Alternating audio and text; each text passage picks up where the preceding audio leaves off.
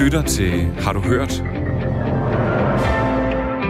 Med mig, William Eising. Ja, men velkommen, velkommen, velkommen til Har du hørt programmet, der altid giver dig de mest læste, lyttede, likede, klikkede, delte, debatterede og sete historier fra den forgangne uge. Og vi kan egentlig lige så godt gå øh, sådan lige på og hårdt. For i dag så skal vi snakke om jul, vi skal snakke om mænd i dametøj, vi skal snakke om vacciner, øh, søskende fnider, og hvis vi får tid til det, så har jeg også et eventyr med, som jeg skal læse lidt op af. Så du kan ikke være i tvivl om, at du er landet hos Har du hørt? Det her er Radio 4, og du lytter til Har du hørt? Programmet, der dykker ned i ugens mest klikkede, likede og delte historier.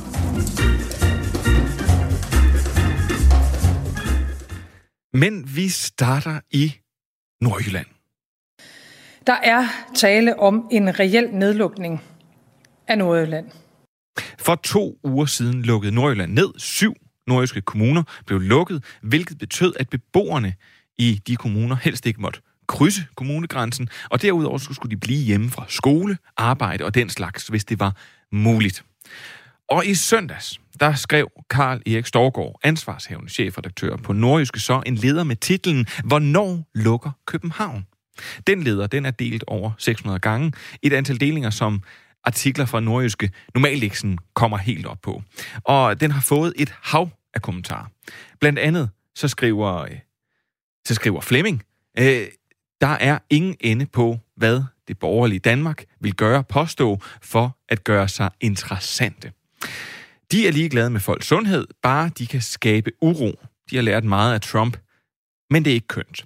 Pia, hun skriver, tænker, at vi, at vi, tænker, at vi i Nordjylland skal være glade for, at vi trygt kan gå julen i møde. Hvad sker der i hovedstaden? Hvad der sker i hovedstaden, behøver vi ikke bekymre os om. Og nu kan jeg sige øh, velkommen til dig, Karl Erik Storgård, øh, altså ansvarshavende chefredaktør på Nordjyske. Tak for det. Og øh, jeg vil egentlig starte med at spørge sådan helt, hvorfor synes du, at man som nordjyde skal blande sig i, hvad der sker i Københavnområdet? Ja, nu er der jo mange, der blander sig i, hvad der sker i Nordjylland, så det synes jeg er helt fair, at vi også gør. Øh, når det så er sagt, så er min pointe i øh, lederen jo faktisk det stik modsatte. Øh, det er, at øh, der var ingen grund til at, at lukke København ned. Øh, vi stiller bare spørgsmålet, hvis man øh, måler København i forhold til de syv nordjyske kommuner, som, som nu har været nedlukket, der er jo blevet øh, åbnet op i dag, øh, så, øh, så, så øh, kan man godt undre sig over, hvorfor at det er København, der forbliver åben, og de syv kommuner, der bliver øh, lukket ned, fordi smittetrykket i København var betragteligt større. Men, og, og, og når du så alligevel, man kan sige, det er jo selvfølgelig sådan, øh, sådan leder her en øh, stærk, fængende overskrift. Øh, så, så du synes ikke, at, altså du synes ikke, man burde lukke noget ned, skal jeg bare forstå helt præcist. Hverken København eller Nordjylland. Hvis at, øh, hvis at myndighederne argumenterer for og vurderer, at, øh, at det er en trussel mod sundheden, øh, folkesundheden, at, øh, at øh, undlade at indføre restriktioner, jamen så, skal, så støtter jeg da helt op om, at der skal indføres restriktioner. Jeg har selvfølgelig også som, som øh, leder her i min virksomhed og som, som chefredaktør argumenteret for og opfordret til, at man følger de restriktioner og de anbefalinger, der er kommet fra myndighederne, også her under nedlukning. Øh, det, at øh, mit synspunkt, det er, at, øh, at øh, vi, øh, vi, vi, kigger, vi må kigge som medier kritisk på, hvad er begrundelsen for at lave særlige nedlukningsrestriktioner for Nordjylland, for syv kommuner heroppe. Altså det, man skal huske på, det er jo, at øh, de begrænsninger, som 300.000 nordjyder har fået øh, øh, lagt oven på sig, det er de mest indgribende øh, begrænsninger i sin bevægelsesfrihed, som nogen danskere har fået siden besættelsen.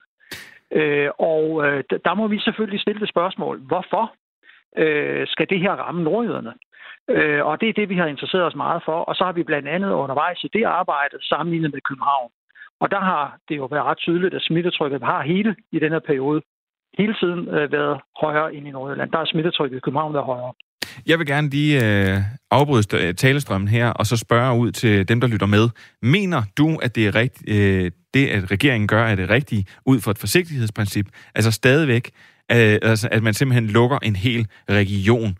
Skriv en sms til 1424, start med R4, så din besked. Altså, om du mener, at det regeringen gjorde, er det jo så nu faktisk, ud fra et forsigtighedsprincip, at lukke en hel region i Danmark var det rigtige. Skriv til 1424 R4, og så din besked. Og jeg, jeg bliver nødt til at spørge øh, dig, øh, Karl Erik. Altså, er det, er, det din, øh, er det dit job at skabe tvivl om de her restriktioner? Øh, nej, det er mit job at stille spørgsmålstegn ved dem. Øh, og øh, undersøge kritisk, øh, om, øh, om der er grundlag for at indføre så markante restriktioner. Det er og, det, man har en presse til. Det er selvfølgelig, vi, vi skal jo ikke bare tage for gode varer, hvad der kommer fra beslutningstager. Vores fineste opgave, det er jo at efterprøve, øh, om det er taget, de, en beslutning af den her karakter, er taget på et forsvarligt grundlag. Det er og det, vi har gjort. Og, men, men allerede i søndag, der, der siger du jo, at der ikke er noget grundlag for at holde Nordjylland lukket. Nu ved vi jo så, at øh, i dag, lige før vi nærmest gik i studiet her, så øh, blev det meldt ud, at nu åbner man Nordjylland igen. Men så bliver jeg nødt til at spørge dig, hvad var det, du vidste i søndags, øh, som ingen andre så syntes at vide? Øh, det er ingenting. Øh, alle vidste det, jeg lagde frem. Øh, det var også derfor, vi undrede os over, at der stadigvæk var nedlukket nedlukning i gang. Øh, det vi vidste, og som alle kunne, øh, kunne se, det var, at øh, smittetrykket var øh, meget, meget lavt i Nordjylland, også i de syv kommuner, der var lukket ned. Øh, der var ikke fundet øh, den her øh, covid-19-mutation, øh, som man kalder kloster 5. Den var ikke fundet i nogen kommuner heroppe øh, siden midten af september. Øh, og øh, der var heller ikke flere mink tilbage. De er jo slået, slået ned nu. Så, så øh, risikoen for, at man vil finde den øh, minkmutation, som hedder kloster 5, og som var årsagen til, at man lukkede ned, den var sådan set ikke eksisterende. Oven i det, der kom der jo øh, en masse oplysninger frem, også inden at jeg skrev min leder, øh, blandt andet fra Verdenssundhedsorganisationen WHO og fra det europæiske smitteagentur, øh, og øvrigt også fra det danske Statens Serum Institut, som viste, at hvis det var, at der var en kloster 5, jamen så de kommende vacciner, der er på vej, de vil efter alt at dømme øh, kunne dække dem. Øh, og det var jo en anden væsentlig grund til, at man øh, besluttede at nedlukke i sin tid. Det var, at man frygtede, at kloster 5 øh, ikke var dækket af vacciner. Ja, ja, så derfor der kunne jeg godt stille det spørgsmål i søndags. Hvorfor øh, er der overhovedet nogen restriktioner i Nordjylland? Men, øh, og, øh, og det var baseret på oplysninger, der var frit tilgængelige. Men prøv at høre, de siger jo, at det tager længere tid at få svar på, om den her kloster 5-variant, den er øh, når, i de her, øh, hvad hedder det, i de her test her, som man så tager. Og det er derfor, at myndighederne så måske har følt sig sikre nok til at skulle sige, så lad os, eller de har jo ud fra det her forsigtighedsprincip, som de hele tiden har ført, sige, så må vi lukke Nordjylland. Og nu hvor det så viser sig, så lukker de det så op igen. Men, men er det ikke nemt at stå her bagefter og, være, og, og skulle sige at være bagklog? Eller det, du sådan set skulle sige egentlig hele tiden været? Fordi man, man bliver vel nødt til at have et forsigtighedsprincip.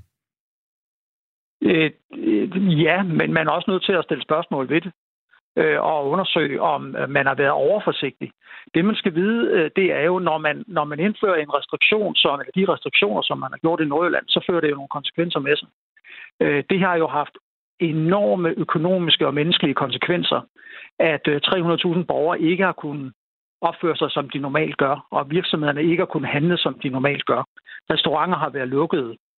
Folk har ikke kunnet besøge hinanden, hvis der er en, for eksempel en mand, der har været indlagt på hospitalet øh, i Aalborg, så hvis man har boet i Tisted, så har man ikke kunne besøge ham.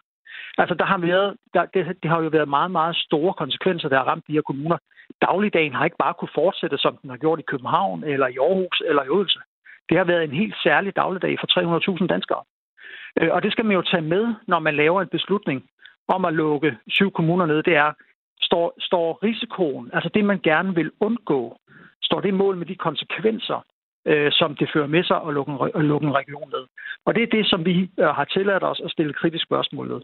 Men og så vil jeg så bare sige her til sidst, fordi det, vi dykkede jo ned i nogle af kommentarerne, og jeg vil sige, nogle af dem, som, nogle af de sms'er, som vælter ind her, der er folk, der skriver, at det er helt urimeligt, og der er en, der også skriver, at tøves, det var grov, og øh, der er også øh, nogen, der mener, at regeringen bliver blev grebet af panik og overreageret. Men når vi dykker ned i nogle af de øh, kommentarer, der er kommet til den her øh, leder, du har skrevet, så er der faktisk folk, der sk- øh, siger, at de synes, det er trist at se et medie, der er så erklæret tilhænger af misinformation om situationen. Øh, altså, at, at, og de egentlig kritiserer dig lidt for at, øh, ja. for, for at gå ud og skrive det her. H- hvad siger du til sådan en kritik? For det er jo egentlig det, det er jo dine læsere. Øh, ja, det, det tror jeg, at nogen af dem er. Jeg tror ikke, det alle. Øh, jamen, vi får mange reaktioner øh, på, på vores journalistik, og vi får mange reaktioner på vores ledere øh, om det her emne, fordi det er et, et ømtåbeligt emne. Og det er jo ikke sådan, at jeg ikke forstår, at, øh, at der, er, der er mennesker, som, som mener, at man skal tage et meget, meget, meget øh, kraftigt øh, forsigtighed, øh, forsigtighedsprincip og følge det nærmest øh, altså, øh, 100 procent. Øh, det jeg bare vil sige til dem og til andre, det er, øh, det er myndighedernes opgave at vurdere øh, risici i forhold til øh, konsekvenser. Det overlader jeg trygt til dem. Øh, jeg ved, at øh, myndighederne lige nu står i meget, meget vanskelige beslutninger, og jeg forventer ikke, at de rammer skiven rent i alle beslutninger. Men myndighedernes opgave er ikke lige med mediernes opgave. Øh, vi skal ikke, øh, vi skal informere om, hvad der foregår. Vi skal bakke op øh, øh, om de restriktioner og om de anbefalinger, der kommer. Men det er også vores pligt at stille spørgsmål ved, om de er rimelige og om de er velfunderede. Og, og der er det i mine øjne øh, helt ok, at, at, øh, at læsere eller andre, som ser vores opslag på Facebook, øh, skælder ud på os. Det er en del af den, øh, den, den debat, som, som skal være om sådan en sag her. Øh, jeg er også glad for, at der er nogen, der bakker op om os, øh, men, men sådan skal det være. Vi ved godt, at øh, vi har ikke krav på at, at kun at blive klappet på ryggen.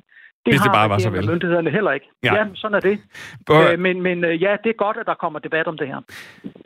Jeg vil sige tak, Karl Erik Storgård, ansvarshavende chefredaktør øh, på øh, Nordiske, fordi du vil være med her og gav svar på tiltale. Selv tak. Det her er Radio 4, og du lytter til Har du hørt? Programmet, der dykker ned i ugens mest klikket, liket og delte historier. I 2015 skrev Alt, som du måske bedre kender som Alt for damerne, en artikel med overskriften Søskende bliver klogere af at skændes. Og det er åbenbart lige så rigtigt i dag, som det var for fem år siden, og derfor så vælger Alt for damerne, men sandt at genudgive artiklen, som blandt andet fortæller dig, at hvis dine børn ligger i evig krig med hinanden, så er det godt at vide, at de lærer en hel masse om at forstå andre, takle følelser osv. osv. Lutter gode sager. Og det sjove er faktisk, at de elsker at læse den her slags. Og derfor er den her fem år gamle genudgivet, genudgivet artikel simpelthen ugens hit. Men herpå har du hørt, synes vi, at det er en lidt doven og lad tilgang at have til journalistikken. Og det har vi egentlig lavet os inspirere af.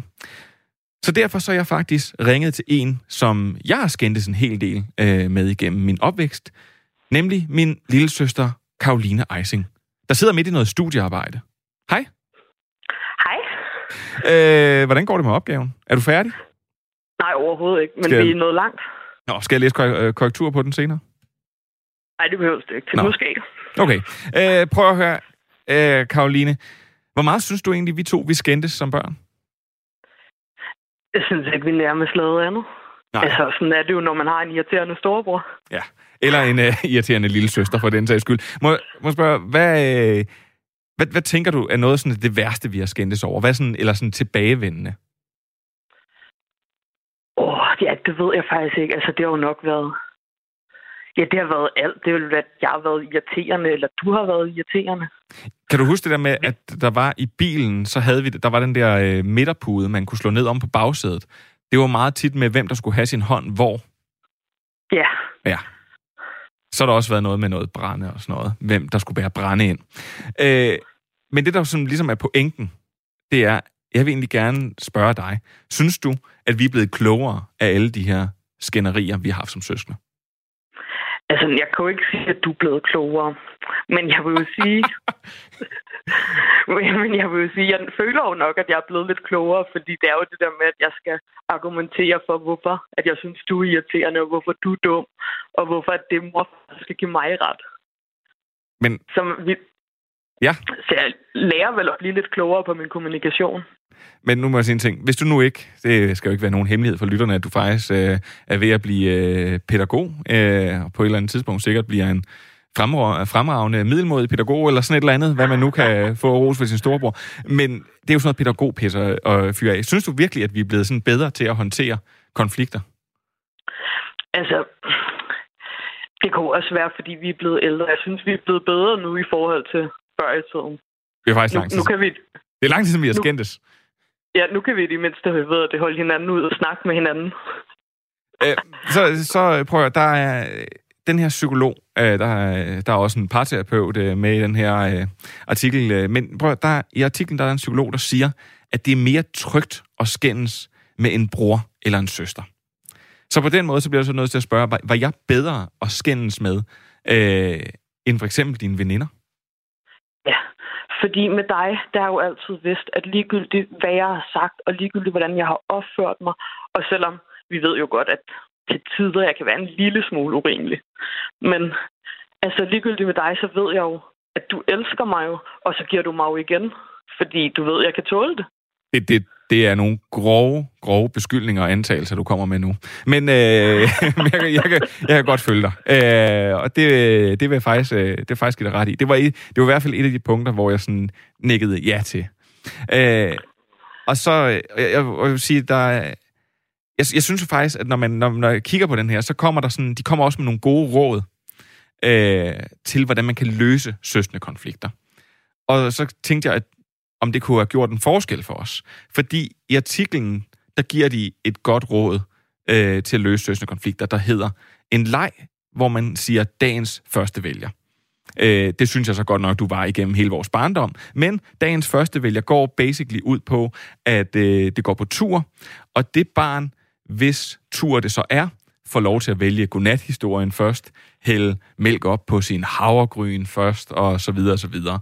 Øh, mit spørgsmål er så, tror du, at dagens første vælger kunne løse vores konflikter, som jo som blandt andet omhandlede, hvem, der, hvem det var, der hakkede med en kniv i øh, på alle stolene ude i køkkenet, øh, og som pissede mor og far gevaldigt dag, En konflikt for resten lige, jeg kan sige til lytterne, der stadigvæk ikke er løst endnu, øh, eller hvem der skulle fylde brænde op i huset. Tror du, at det her, tror du, dagens, øh, dagens første vælger havde hjulpet med det? Ærligt, det tror jeg ikke. Ikke med os to, fordi... Altså, hvis du skulle have fået lov til at vælge, vi ved jo godt, hvordan jeg er, så ville jeg have blevet hysterisk. Ja. Så sandt, som det er sagt. Øh, prøv at her. Den her, øh, den her lette gennemgang af en øh, fem år gammel artikel, synes jeg har været, øh, der har du været en, en stor hjælp. Og, øh, og Karoline, jeg elsker også dig. Så prøv at du skal tilbage til din opgave. Jeg skal tilbage til... Øh, jeg tror faktisk, jeg skal til at læse et eventyr nu. Så vil jeg bare sige, øh, Karoline, tusind tak, fordi du har været med. Og så Jamen, bra- selvfølgelig. brænd den af på pædagogstudiet. Vi snakkes ved. Det gør vi. Hej. Det her er Radio 4, og du lytter til Har du hørt? Programmet, der dykker ned i ugens mest klikket, liket og delte historier.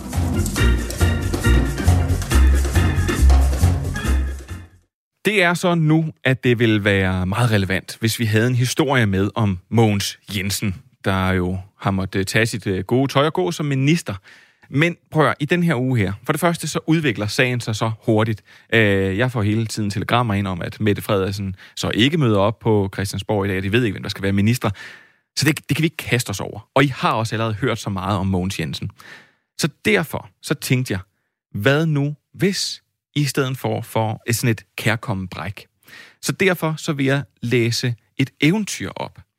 Øh, og jeg ved ikke, om I kender det, men det her, det er eventyret om Sorte Per. For Sorte Per, han var en glad dreng med et rundt hoved. Han havde øh, rigtig mange gode venner, kammerater, som han socialiserede med. Og på den måde kan man vist godt kalde dem socialkammerater. Sorte Per, han var egentlig rigtig glad for kultur, men den onde dronning Helle Didriksen mente, det ville være meget bedre, hvis Sorte Per, han kunne bære skraldet ud, øh, undskyld, tage ansvaret for fødevare, fiskeri, ligestilling og det nordiske samarbejde. Det skal jo også passes. Og fordi Sorte Per var sådan en flittig social kammerat, så sagde han ja. Det skulle Sorte Per aldrig have gjort. For da en frygtelig kinesisk troldmand kastede en forbandelse over hele verden, der blandt andet betød, at alle mennesker i den onde dronning Helle Didriksens kongerige ikke måtte forsamles, give hånd øh, og konstant skulle stænke af tequila på fingrene, så sagde den onde dronning Helle Didriksen, at man nok også hellere måtte dræbe en masse pelsdyr, der årligt indbragte kongeriget 5 milliarder. Og nu bliver det hele lidt spidst. Fordi selvom den onde dronning Helle Didriksen både var egenrådig og diktatorisk, så må hun slet ikke kræve de her små pelsdyr aflyde. Men nu var ordren givet, og hvem skulle så bære skylden? I hvert fald ikke dronning Helle Didriksen selv. Godt nok havde hun siddet i det udvalg, hvor der var blevet rejst tvivl om, øh, hvorvidt man overhovedet kunne øh, tage livet af alle de her pelsdyr. Men var der ikke også nogen andre, der vidste noget om det? Jo, jo, jo. Mange andre af dronningens venner vidste nok også godt. Blandt andet ham der Mikkel Heineken, der står for sundhed. Så var der også eh, Grosser Hækkerup, der står for lov og orden. Prins Vammen af Aarhus, han vidste helt sikkert også et eller andet. Men ham er dronningen meget glad for, så han skal ikke have skylden for noget. Der er også damernes, undskyld, pigernes ven, Leoman Kofod. Øh, han skal heller ikke øh, i fedtefadet. Så den her liste her, den kunne blive ved. Ja, faktisk øh, ordensmagten i kongeriget, de vidste noget om det her. Så hvis de alle sammen ligesom tog hver deres del af skylden, ville det måske være meget fair. Men så vil den onde dronning nok miste sin trone, og hun vil, og den elsker hun jo faktisk mere end noget andet. Derfor så blev de alle sammen enige om, det nok var bedst, at Sorte Per sagde, at det hele det var hans skyld. Og det gjorde han så. Og nu er Sorte Per helt alene, forladt af alle sine socialkammerater, og som den lille pige med svoglstikkerne, så har han kun sin ministerpension at varme sig på. The End. Det her er Radio 4, og du lytter til Har du hørt? Programmet, der dykker ned i ugens mest klikkede, likede og delte historier. Nu skal det handle om vacciner, fordi hele verden går og venter på, at en coronavaccine er klar. Og faktisk så går der ikke så forfærdelig lang tid. For de seneste uger øh, har den ene gode nyhed efter den anden poppet op. Der er flere firmaer, der har lovende resultater. Og du følger udviklingen tæt, Lasse Forsgaard, videnskabsredaktør ved Politikken. Velkommen til. Ja, tak skal du have. Bror, hvis øh, du skulle spille på, hvornår en vaccine kommer, vil du så sætte dine penge på, at der kommer en vaccine før eller efter den 15. marts, som synes som sådan en eller anden skæringsdato ude i fremtiden? Altså, øh, så vil jeg sige, før den 15. marts, der, øh, der, der kommer der øh, vacciner. Der, så tror jeg, der gør du, der gør du mange med mennesker glade, øh, hvis det bliver rigtigt. Ja. Øh, prøv, ja. Det her, det er jo et, jeg, jeg har lyst til at sige, et ret fascinerende vaccinekapløb, der er i gang. Øh, og der kommer jo også øh, vacciner til danskerne. Men det hele virker ja. også lidt forhastet. Så jeg vil, jeg vil spørge dig, øh, tør du som sådan en af de første øh, få et skud vaccine? Øh, jamen, det kan du tro, jeg, jeg gør. Fordi øh, altså, selvom det går stærkt, så øh, kapløbet, øh, som er lige nu, er der jo sådan 12 der er på vej i de sidste testfaser. Den måde, de laver forsøg på, er så omhyggelig at gøre det på så mange mennesker. Så hvis de ser den mindste bivirkning, så øh, stopper de forsøget og råber vagt i gevær. Og så har vi en lægemiddelstyrelse, der også holder øje for os. Så jeg er helt sikker på, at øh, jeg vil række min øh, arm frem, og så vil jeg blive vaccineret. Okay, ja, så vil jeg lige øh, have vores lyttere med derude og spørge dem, om de faktisk også er, øh, skal sige, er, er lige så modige som dig. Fordi er I klar ja. til at springe på den, ja, der sidder derude, er I klar til at springe på den første og bedste vaccine, der kommer, og så øh, få et skud i armen? Skriv dit svar til 1424, start din sms med R4, og så et mellemrum. Og så tilbage til dig, Lasse, fordi prøv at vaccinerne ja. er jo blevet lavet på rekordtid. Og normalt, så jeg forstår det, så kan det godt tage mange år før sådan en lægemiddel her det bliver godkendt. Hvor, hvorfor er det, at, øh, at man skulle sige, hvor, hvorfor tør du godt få en vaccine, der bliver lavet så hurtigt? Altså, det er fordi situationen er den, at der er jo så mange, øh, både regeringer og fonde, der har investeret i det her, fordi de ser jo, hvordan verden ser ud. Vi har en pandemi, som har lammet øh, hele verdenssamfundet. Øh, og så er der skudt så mange penge ind i det, så man kan gøre det hurtigere end, end nogensinde før. Øhm, og, og det vil så sige, at og ikke nok med, at, at én øh, virksomhed går i gang, men mange virksomheder og mange forskningsinstitutioner går i gang. Og så har man lige pludselig sådan et parallelløb, øhm, hvor man kan tænke, at det er måske ikke alle øh, sammen, som går ind og bliver en succes, men, men så kan vi så glæde os over, at, at der er nogle af dem, der bliver det. Øhm, så, så det, det gør bare, at fordi hele verdens øjne er rettet mod den her vaccineudvikling, så er der pumpet så mange penge ind, at det kan lade sig gøre og gøre det rigtig hurtigt. Øh, og så i, i løbet af de sidste par uger er der jo kommet tre fuldstændig øh, enestående resultater frem, hvor man ser, at vaccinerne, altså lige efter vaccinationen, beskytter, eller har en effekt på det, man siger 95 procent. Så cirka 9 ud af 10 kan ligesom holde sygdommen væk, øh, når man er blevet vaccineret. Og så skal vi se, hvor længe den holder. Det er meget spændende. Og det, fordi det går så hurtigt, så ved vi jo ikke rigtigt, hvor lang tid effekten er der. Men det bliver spændende, spændende at følge. Ja, for lige til det, så vil jeg jo sige, at jeg har engang øh, fået et skud øh, sådan noget, hvad det nu det hedder, influenza-vaccine i armen. Ja. Og øh, det, det, det kan jo faktisk godt ende med at gøre en utrolig syg. Så, øh, så, så det er jo lidt der, jeg har bestemt ikke nogen øh, antivax eller noget. Jeg er bare sådan lidt, jeg kan godt være lidt frygtsom for det. Men, ja, men så, så vil jeg lige afbryde dig, fordi at, at jeg, har, jeg får også tilbudt øh, på min arbejdsplads en influenza-vaccine, og øh, jeg ser også mine kolleger, der bliver vaccineret. Og jeg vil sige, altså selvfølgelig bliver man øm i armen, og du kan godt få øh, lidt feber, og du kan få øh, lidt hovedpine, men så må der altså heller ikke være flere bivirkninger. Og det bliver det samme med de her coronavacciner. Man vil, altså det er jo, hvad skal man sige, når man får sprøjtet noget ind, så reagerer kroppen. Og så må der ikke være mere end det, du talte der. Men det der med at blive meget syg af en vaccine, så tror jeg, at det, det, det, det er meget, meget sjældent, øhm, at, at man bliver det. det. Det er mere en ømhed i armen, kan man sige. Og så kan man så glæde sig over, at man ikke skal have influenza, som, fordi det kan være rigtig voldsomt. men, men så du sige, hvis man for eksempel får den her vaccine, kunne man så godt ende med at få corona? Og altså, hvis man reagerede, ligesom jeg gjorde. Jeg blev syg i, i 14 dage med, jeg tror, den værste influenza, jeg nogensinde har haft. Altså af vaccinen?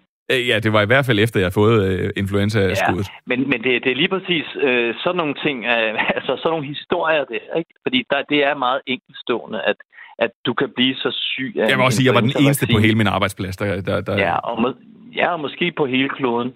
men, men, men, men det, der, som man går, går ind her og gør, det er jo, at man...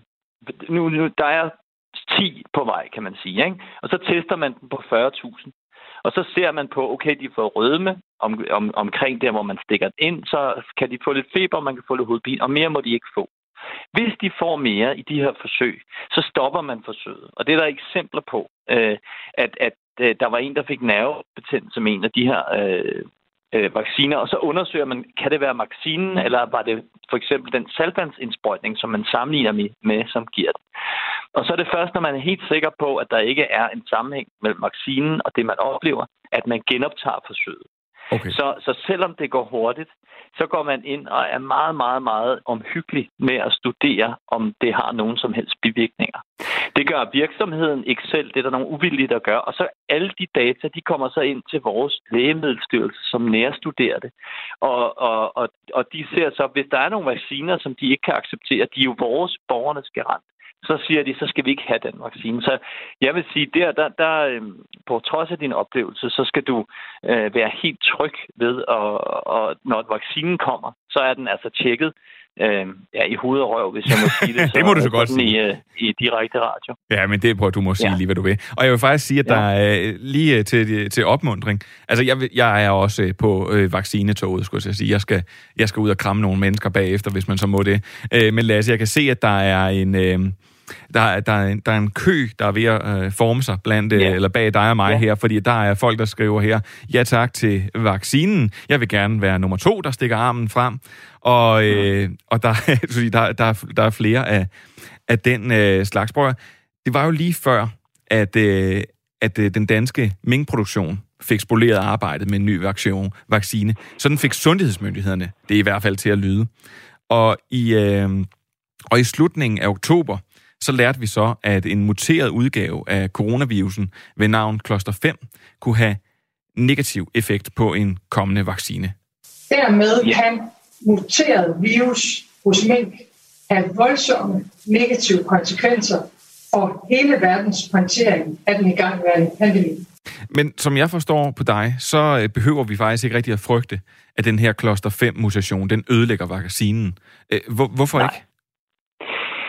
Ja, men altså, det er jo, øh, altså man kan sige, det er jo øh, kørt rimelig op fra. Jeg kan jo også godt forstå, hvorfor folk øh, måske havde en anelse frygt efter det pressemøde. Vi fik at vide, at Nordjylland kunne blive den nye Wuhan, og så fandt man også ud af, at den her kloster 5-mutation kunne gå ind og spænde ben på vaccineudviklingen. Øhm, men det viser jo så efterfølgende, altså, at, at der er nogle andre end Serum Instituttet og andre, der har fået lov til at kigge ind i det her, og, og, og er slet ikke bekymret for, at øh, den her mutation kan spænde ben for, for vaccineudviklingen.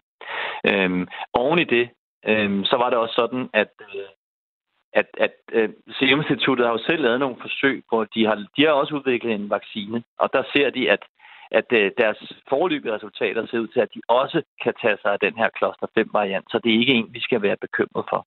Okay, og jeg vil bare lige sige lynhurtigt, for der, nu begynder folk at skrive alle mulige uh, spørgsmål ind på sms'en. Ja. Hvis du kan love at ja. være sådan rigtig kort på den her, så vil jeg gerne lige have den her med. Uh, det er ja. netop, vi har lidt berørt det, for der er en, der skriver, der er en ting, der undrer mig. Hvordan kan en vaccine, der er blevet opfundet og måske godkendt på under et år, altså uh, de er, personen skriver her, mener det tager normalt flere år, og mange test og studier, før et produkt bliver godkendt.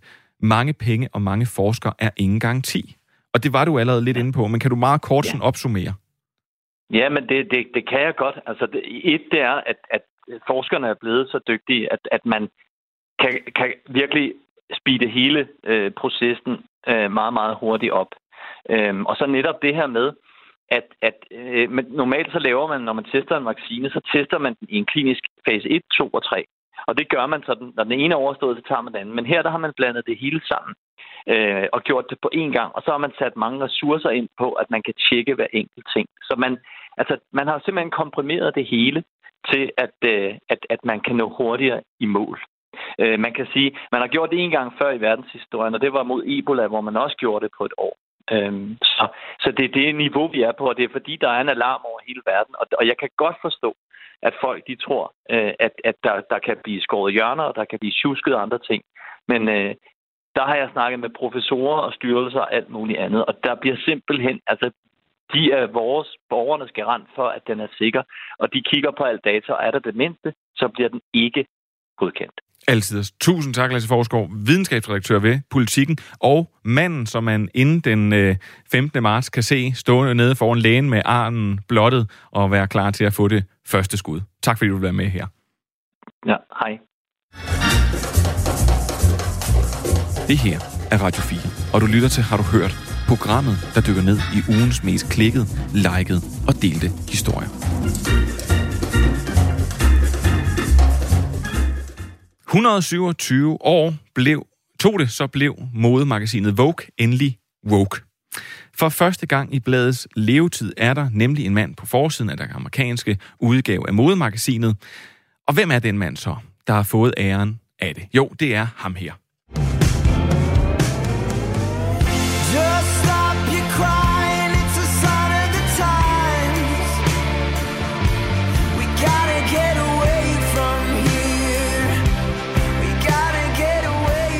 Det tidligere One Direction-medlem Harry Styles øh, er ham, der præger øh, decemberudgaven af Vogue. Og hvis det så ikke var vildt nok, så er medierne ved at falde bagover af den grund, at han simpelthen er iført en kjole. Men er det virkelig det, vi burde fokusere på? Det håber jeg, at min gæst kan gøre mig lidt klogere på. Og det er dig, Jim Lyngvild, designer, forfatter og iværksætter. Goddag. Goddag. Prøv at høre, Start lige med at fortælle mig, hvor stort er det, at der er en mand på forsiden af Vogue? Jamen, Vogue er jo verdens største modemagasin, og når de gør noget, så betyder det, at det giver dønninger i hele verden på alle mulige parametre. Øhm, og det vil så også sige, at når der er en mand på forsiden, hvilket ikke er sket nogensinde før, så har det jo en kæmpe, kæmpe effekt øh, på rigtig mange ting. Det kan jo godt være, at man i Danmark, fordi du ikke kan købe Vogue i Danmark, betyder det ikke så meget. Men når du sidder Øh, hvis man har set Devil Wears Prada, så øh, er der sådan en meget sød sekvens, hvor at, øh, at Stanley Tucci han siger, at øh, når man er en lille dreng ude fra Midtvesten i øh, USA, der sidder og er homoseksuel og ikke ved, hvem man selv skal være, og, og hvordan man skal springe ud, eller hvem man, hvad ens identitet er, så er Vogue lige pludselig øh, det eneste lille strå, man har til en større verden uden for Midtvesten. Så derfor så betyder Vogue faktisk noget for en masse mennesker. Måske ikke så meget for danskerne. Okay, så det du faktisk siger, at den her, altså den effekt, øh, den, den effekt, som øh, den her forside kommer til at have, det er ikke bare, at vi så måske på et eller andet tidspunkt, så smider din øh, pensionist på øh, forsiden af vi unge eller sådan noget øh, herhjemme i Danmark, men det er faktisk noget, der, det er noget, der, det er noget, der har, jeg skulle sige, der, der bliver sådan en, det, det er noget, der bliver en, en linje ind til noget andet for en masse mennesker, som måske sidder, jeg skulle sige, sidder, som du siger, sidder ude på Midtvesten. Altså Jamen, det homoseksuelle. Er det, det er det. Det kunne, altså et tilsvarende, det kunne være, at, øh, at hvad hedder det, målmanden i Manchester United sprang ud som homoseksuel det vil have samme sådan betydning, fordi der vil sidde en hel masse, der så identificerer sig med det, man ikke tog at springe ud og så videre. Øh, der vil sige, gud, hvor er det fantastisk, at der er nogen, der tør at gå for os på et felt, hvor man netop ikke viser det. Det kan man sige, det, altså modebranchen og homoseksualitet hænger jo ret godt sammen. Øh, og det er ikke fordi, det her det skal handle om homoseksualitet, men det handler bare om, at når, når Vogue gør noget, som er så eklatant anderledes, netop at sætte en mand på forsiden, så har det nogle kæmpe, kæmpe store øh, indvirkninger på, øh, på, på hele, øh, hele verden. Og, og prøv, nu skal du det skal, øh, jeg vil netop ikke øh, formulere det her spørgsmål her, så det kommer til at lyde øh, voldsomt homofobisk, men, men når det netop er, at modebranchen og, øh, og, og, og, og, hvad kan man sige, og, og homoseksualitet netop er noget, som har været, jeg sige, det er jo et mix. Øh, det lyder, ej, det lyder allerede super homofobisk det her. Jeg vil egentlig bare spørge, hvorfor har det taget, hvorfor det så taget 127 år, før at man smider en mand på forsiden? Jeg, jeg, jeg vil faktisk blankt erkende, jeg aner ikke, om Styles han er homoseksuel. Det tror jeg faktisk ikke, han er. Øh, jeg ved det ikke, men han er, han er noget andet, og det er jo det, der gør det ekstra sejt. Han er en super flot mand. Han er cool, han er, øh, han er rockstjerne, han kan alt det her super fede her. Og at han så har en hang til at have noget øh, dametøj på, for han har tit dametøj på, det har vi set ham i flere gange på den røde løber, øh, at han nedbryder elementer mellem maskulin og feminin, og, og hvad er han seksuelt, det ved jeg ikke. Jeg, jeg kan ikke læse det ud fra billedet, og jeg har også prøvet at sidde og læse på hans Wikipedia-profil, der står der ikke noget om det. Øh, det er da super interessant, fordi det ikke lige pludselig bliver noget med seksualitet at gøre, det er noget med menneske at gøre, at mennesker lige pludselig har effekt. Og det er jo det, der er spændende ved den her forside, det er, at det er ikke en homoseksuel mand, det er ikke Elton John, man har puttet på forsiden, som vi alle sammen godt ved, ja, jeg er homoseksuel, og noget med nogle fjer, nogle paljetter, nogle store briller, og så er det glimrende. Det er faktisk en mand, som både mænd synes er cool at kigge på, kvinder kan endda synes, han er sexet, og homoseksuelle kan måske identificere sig med ham. Så lige pludselig så fanger han alle i en, i en, i et greb, og det er da fuldstændig magisk. Men og, og, og, og det kan jeg godt følge dig Jeg vil bare sige, altså det er jo medierne, der har kastet sig meget, øh, meget over det her med, at han har kjole på, og, øh, øh, og, og hvis det også neglelak. Men ja, og jeg tænker netop, hvorfor er det det interessant? Fordi det har vi da set. Det har vi da set med Bowie øh, og Prince i 80'erne. Altså... Ja, Dan Tyrell og så videre. Mm, det er fordi, at, øh, at jeg, jeg tror egentlig, det handler om, havde det her, var det her sket i sådan slut 90'erne, havde det måske ikke været så stort, fordi der havde vi hele den her store topmodelindustri med Nina Christensen og alle de her. Og vi havde Aqua, og vi havde øh, en teknokultur i øh, mediebilledet, der gjorde, at alle gik med neglelak og mærkelige spikes i håret og øh, kilte til mænd og sådan noget. Infernal, inden, altså i Danmark, der gjorde Pau og Lina jo virkelig kilten populær til både mænd og kvinder. Ja, det, øh, det men, er det, vi stadigvæk men, på dem over. men nu er der bare gået 30-20 år, 20 år cirka, hvor vi har været så pissekonforme, hvor mænd skal gå i sneakers og en jeans og en t-shirt. Det er det, vi har set i mediebilledet. Altså, vi har ikke blandet køn på den måde, eller vi har ikke engang været særlig spændende rent øh, øh, udseendsmæssigt. Kvinderne har fået lov til at gå amok, stadigvæk at have, have paljetter på, men mænd er blevet degraderet til igen at skulle tilbage til sådan noget viktoriansk, kedelig maskulinitets øh, konform look. Og derfor så bliver det her lige pludselig sådan helt mærkeligt for os. Gud, hvad laver han? Det skal også lige siges, at han på forsiden jo ikke... Øh, det er jo ikke sådan en strutkjole, han har på. Det er sådan en mærkelig kjole, hvor man ikke rigtig kan se, om det er en kjole eller hvad det er. Og så indeni er der flere ting, der så, hvor man kan se, at det er kjoler, han har på. Men, men, men man har ikke tårer og, og sådan, de har make op på og en stor strutkjole på forsiden. Det er stadigvæk meget androgynt noget midt imellem. Så, så, så de er ikke gået sådan all in. Men prøv, ja, fordi øh, jeg, vil se, Jim, jeg får faktisk lige to øh, ret interessante sms'er ind her. Øh, en i hver grøft, kan vi jo nok godt sige. Der er, den ene skriver, vi har et billede af svigerfar i kjole som øh, 5-6-årig. Det var cirka i øh, 1925. Øh, og så er der en anden, der skriver, øh, de tør kun sætte ham, altså Harry Styles, på forsiden, fordi han ligner en bøsse. Sæt en rigtig mand øh, med en skovmandskjorte på. Øh, med venlig hilsen David. Altså... Men, men jeg vil faktisk give David ret. Altså, det er faktisk super interessant, det her, fordi det havde, det havde været for politisk ukorrekt at sætte en... Øh, altså, jo, man kunne have gjort det i sin tid med, med Brokeback Mountain, og det skal jo også lige siges, en film som Brokeback Mountain i sin tid, der kunne man jo se, hvad en Hollywood-film kunne gøre der øh, blev alle catwalks rundt omkring i verden lige pludselig øh, inficeret med cowboyhatte og læderchaps og sådan noget, fordi så skulle vi spille på det. Der var noget homoseksualitet. Det var lidt spændende. Men det er fuldstændig rigtigt, hvad David siger. Altså, det havde næsten været for kontroversielt, hvis man havde taget George Clooney og sat på forsiden. Men det havde måske også været for kedeligt. Det andet her, der spiller vi på nogle tangenter, som vi ikke helt kan forstå, og det skaber noget debat, og det er jo lige præcis det, Vogue gerne vil have, noget debat. Og så skal det lige sige til den anden øh, lytter, der, der skriver med hendes far i kjole fra 1925. Nej, det er jeg faktisk ret sikker på, at det ikke er en kjole. Jeg tror, at det er børnebeklædning, fordi at, at indtil ja, netop 20'erne, 30'erne, så havde børn jo en helt anden beklædning. Altså i 1800-tallet, der gik øh, drengebørn med kjoler. Så, så jeg ved ikke, om det er en rigtig kjole, han har på, men, men, men det er jo kun her i nyere tid, faktisk efter øh, 1890'erne kan man sige, at, øh, at mænd skal gå i noget bestemt. Det er jo så pissekedeligt at være mand. Vi skal have, hvis vi skal til kongelig hofbal, hvilket jeg så nok aldrig kommer, men så skal man have sådan noget meget, meget pænt, kedeligt tøj på som en mand. Og kvinderne, de kan fandme have diademer og juveler og sprut og alting. Og måske det er det, vi skal have gjort op med. Nej, der at vi ikke skal være så, så opdelt i, det må du, og det må du ikke, og det må damerne osv. Der vil jeg lige sige, øh, det er jo selvfølgelig et super irrelevant øh, sådan konstatering at komme med her, men jeg synes jo, at øh, det kan da godt være, at du har bevæget dig lidt tættere på efter den, den ret vilde forestilling, eller udstilling hedder det, du lavede nede på øh, Koldinghus med, med at fotografere hele kongerækken øh, i, øh, i de klæder, du havde genskabt? Du sød. Du sød. Øh, jeg tror stadigvæk, at jeg er for, for farlig at lukke ind i de hellige haller, men lad nu den ligge. øh, men det er bare interessant, og det, det bliver det er ikke sådan som, så mænd nu, fordi det er, jo, det er jo så det næste spørgsmål, du vil stille mig. Skal alle mænd så til at gå rundt i kjoler nu? Nej. Jeg vil stadigvæk have lov til at gå i mine bukser. Jeg bryder mig ikke om at have en kjole på. Jeg bryder, ikke, bryder mig ikke om at klemme mig ud som kvinde, så hvorfor skulle jeg tage en kjole på? For jeg bryder mig ikke om den beklædningsgenstand. Øh, så det har jeg da ikke lyst til, og det skal jo ikke være noget, man gør, fordi man nu, nu, nu skal vi også gå den vej alle sammen. Men, men det gør jo bare, at, at der bliver nogle ting, der bliver nemmere måske Altså bare sådan ting som, at seksualitet i dag er blevet meget mere åben. Jeg havde lige her den anden dag, jeg havde en stor udstilling nede i Forborg Kirke, og der var der en, en, øh, en efterskole med nogle unge børn, de var vel 15-16 år, og, øh, og der var der to drenge, der gik og holdt hinanden i hånden og sagde, vi bøsser, øh, fordi de skulle se på noget med seksualitet, fordi der var noget med seksualitet i billederne. Og jeg tænkte, i 15 år gamle, I ved ikke engang, I har ikke engang fået den op at stå endnu, I har ikke fået hår på den endnu, og så ved I, at I er bøsser, og I tør faktisk sige det helt åbent til hele jeres klasse. Og hele klassen var bare sådan, ja, ja, det ved vi godt, de er. Jim, jeg vil... det, er, det, det synes jeg er underligt, at vi bevæger os en vej, hvor at alting er muligt. Tim, prøv der er folk, der skriver ind, du er herlig. Jeg vil sige tusind tak, for, øh, fordi du vil øh, sætte noget perspektiv på Harry Styles øh, woke forside.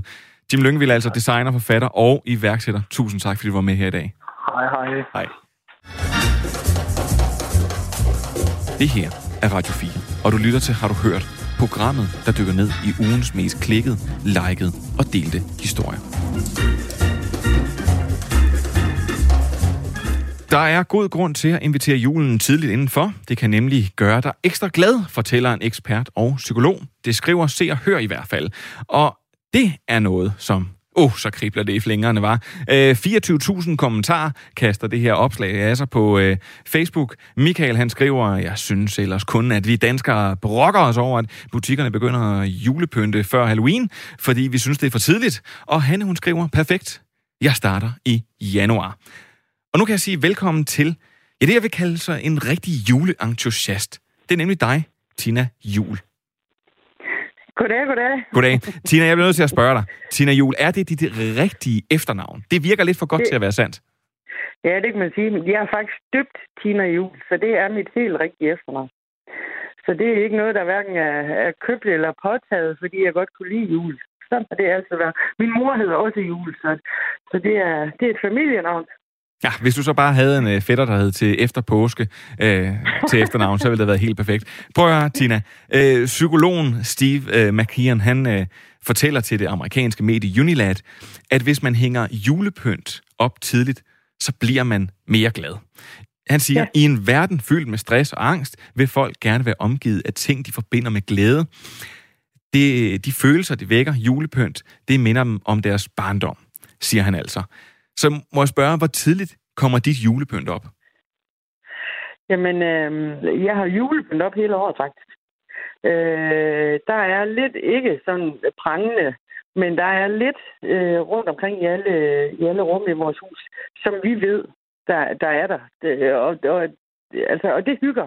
Men ellers vil jeg sige, øh, øh, ah, øh, midt, midt oktober, der begynder jeg nok at pynte nu. Men, men, men, men, men aftager effekten så ikke lidt, hvis der hele tiden er lidt julepynt oppe? Nej, det synes jeg ikke, fordi det er jo, så sidder der en lille nisse over i hjørnet, som man ikke lige lægger mærke til, og når du så lige kommer rundt, eller lige skal være en blomster, så får du øje på den, og så, så bringer den et smil frem, øh, eller et, et grin fra en gæst, der pludselig lægger mærke til, at, øh, at der er en, en kravlenisse i et billede og sådan noget. Så det, det griner vi af, så det er jo ikke sådan, at jeg har pyntet op til jul. Øh, der er bare lidt rundt omkring sådan til at gå og smile af, også om sommeren, eller når det regner, eller så der er lidt. Men pynter til jul, det gør jeg der øh, midt i oktober. Og så lad mig Så, så, så, lad mig så forstå, hvor, hvor meget kommer der så op der i oktober? så griner du, ikke? Ja, men det gør jeg, fordi for mig, der er det at pynte til jul, det er jo et projekt, at jeg kan ikke pynte til jul i løbet af en eller to dage. Det er simpelthen ikke lade sig gøre. Øh, så så det, det eskalerer jo. Altså, jeg begynder med, med at, at hænge noget op og, og lave lidt det i oktober, og så fortsætter det lidt i november og sådan noget. Og jeg er færdig med at pynte til jul omkring 1. december. Og, og hvor omfangsrigt snakker vi så? Giv mig, mal mig et billede. Øh, vi finder den store kasse med julepynt, når vi pynter til jul. Øh, vi har vi har specielt bygget rum til at opbevare julepynt i. Bare sådan vi har meget. Der er meget jul. Man er slet ikke i tvivl om, når man kører ind i vores indkørsel, at nu er det bare jul for fuld skrald. Det er Vi sådan, har at meget jul. du opkøber simpelthen alt vat i hele området, og så laver øh, hele dit hus om til et stort, et stort næselandskab, eller hvad? Det, det er noget i den retning. Det er Hvad, noget i den retning. hvad, hvad siger din familie til det? Heldigvis så elsker de det.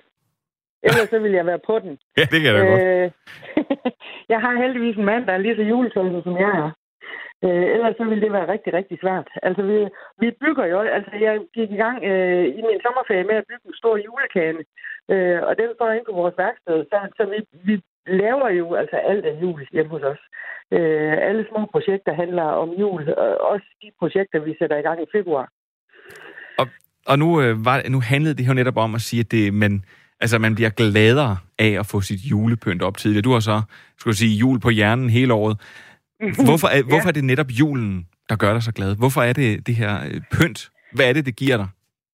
Jamen, det er, det er glæden, det er tanken om, hvad det, øh, hvad det har gjort. Øh, øh, så, altså juleaften som børn, øh, jul med familiemedlemmer, som måske ikke er længere, eller øh, altså, så det er, jo, det er jo minderne og glæden fra, fra mange år tilbage, der, der kommer op i en, når man ser det. Øh, og så hele den der forventning om øh, jul og sne og hygge og om det så er varm kakao, eller det er, det er gaver under træet, det er sådan set ligegyldigt, eller det at være sammen. At nu skal vi se alle dem, vi måske ikke har set rigtig længe og sådan noget. Så, og jeg tror også, det er derfor, folk de er gået vildt tidligt i gang i år. Ja. Øh, jeg plejer jo at være, være udskældt øh, på de sociale medier øh, i, i november, fordi jeg begynder at lægge billeder op øh, øh, og tweete og alt muligt om, om jul og bliver skældt ud. Øh, men det er jeg ikke blevet i år. Der er det tværtimod, øh, hvordan laver du den? Og der er aldrig blevet lavet så mange nisser og øh, stjerner og øh, af folk, der sidder hjemme og er spærret inde af corona. Så det, jeg synes, det har været fantastisk år, og en julemæssigt i hvert fald. Så glæden, den breder sig. Prøv at høre, øh, prøv at høre Tina Jul. Øh, Jeg vil sige uh, tusind tak, men du skal lige blive hængende lidt på, for jeg kunne, vi har næsten ikke noget tid tilbage. Men jeg kunne forstå, at din yndlingssang, det er jule, uh, julebal i Nisseland. Så den vil Ja. jeg egentlig gerne have lov til at spille dig ud med. Men jeg vil bare lige sige, at uh, ude i uh, regien, så har Maiken Friis Lange, hun er også en rigtig, hun er, har sådan en julenisse størrelse. Hun har selvfølgelig siddet og trykket på alle knapperne, og så er det Frederik Lyne og Magnus Bang, der har sat udsendelsen sammen. Og nu skal vi ellers høre noget Okay. julebal i Nisseland. Tina Jul, rigtig god jul, når du kommer dertil. Jo tak, og i lige måde. Sikke mange klokken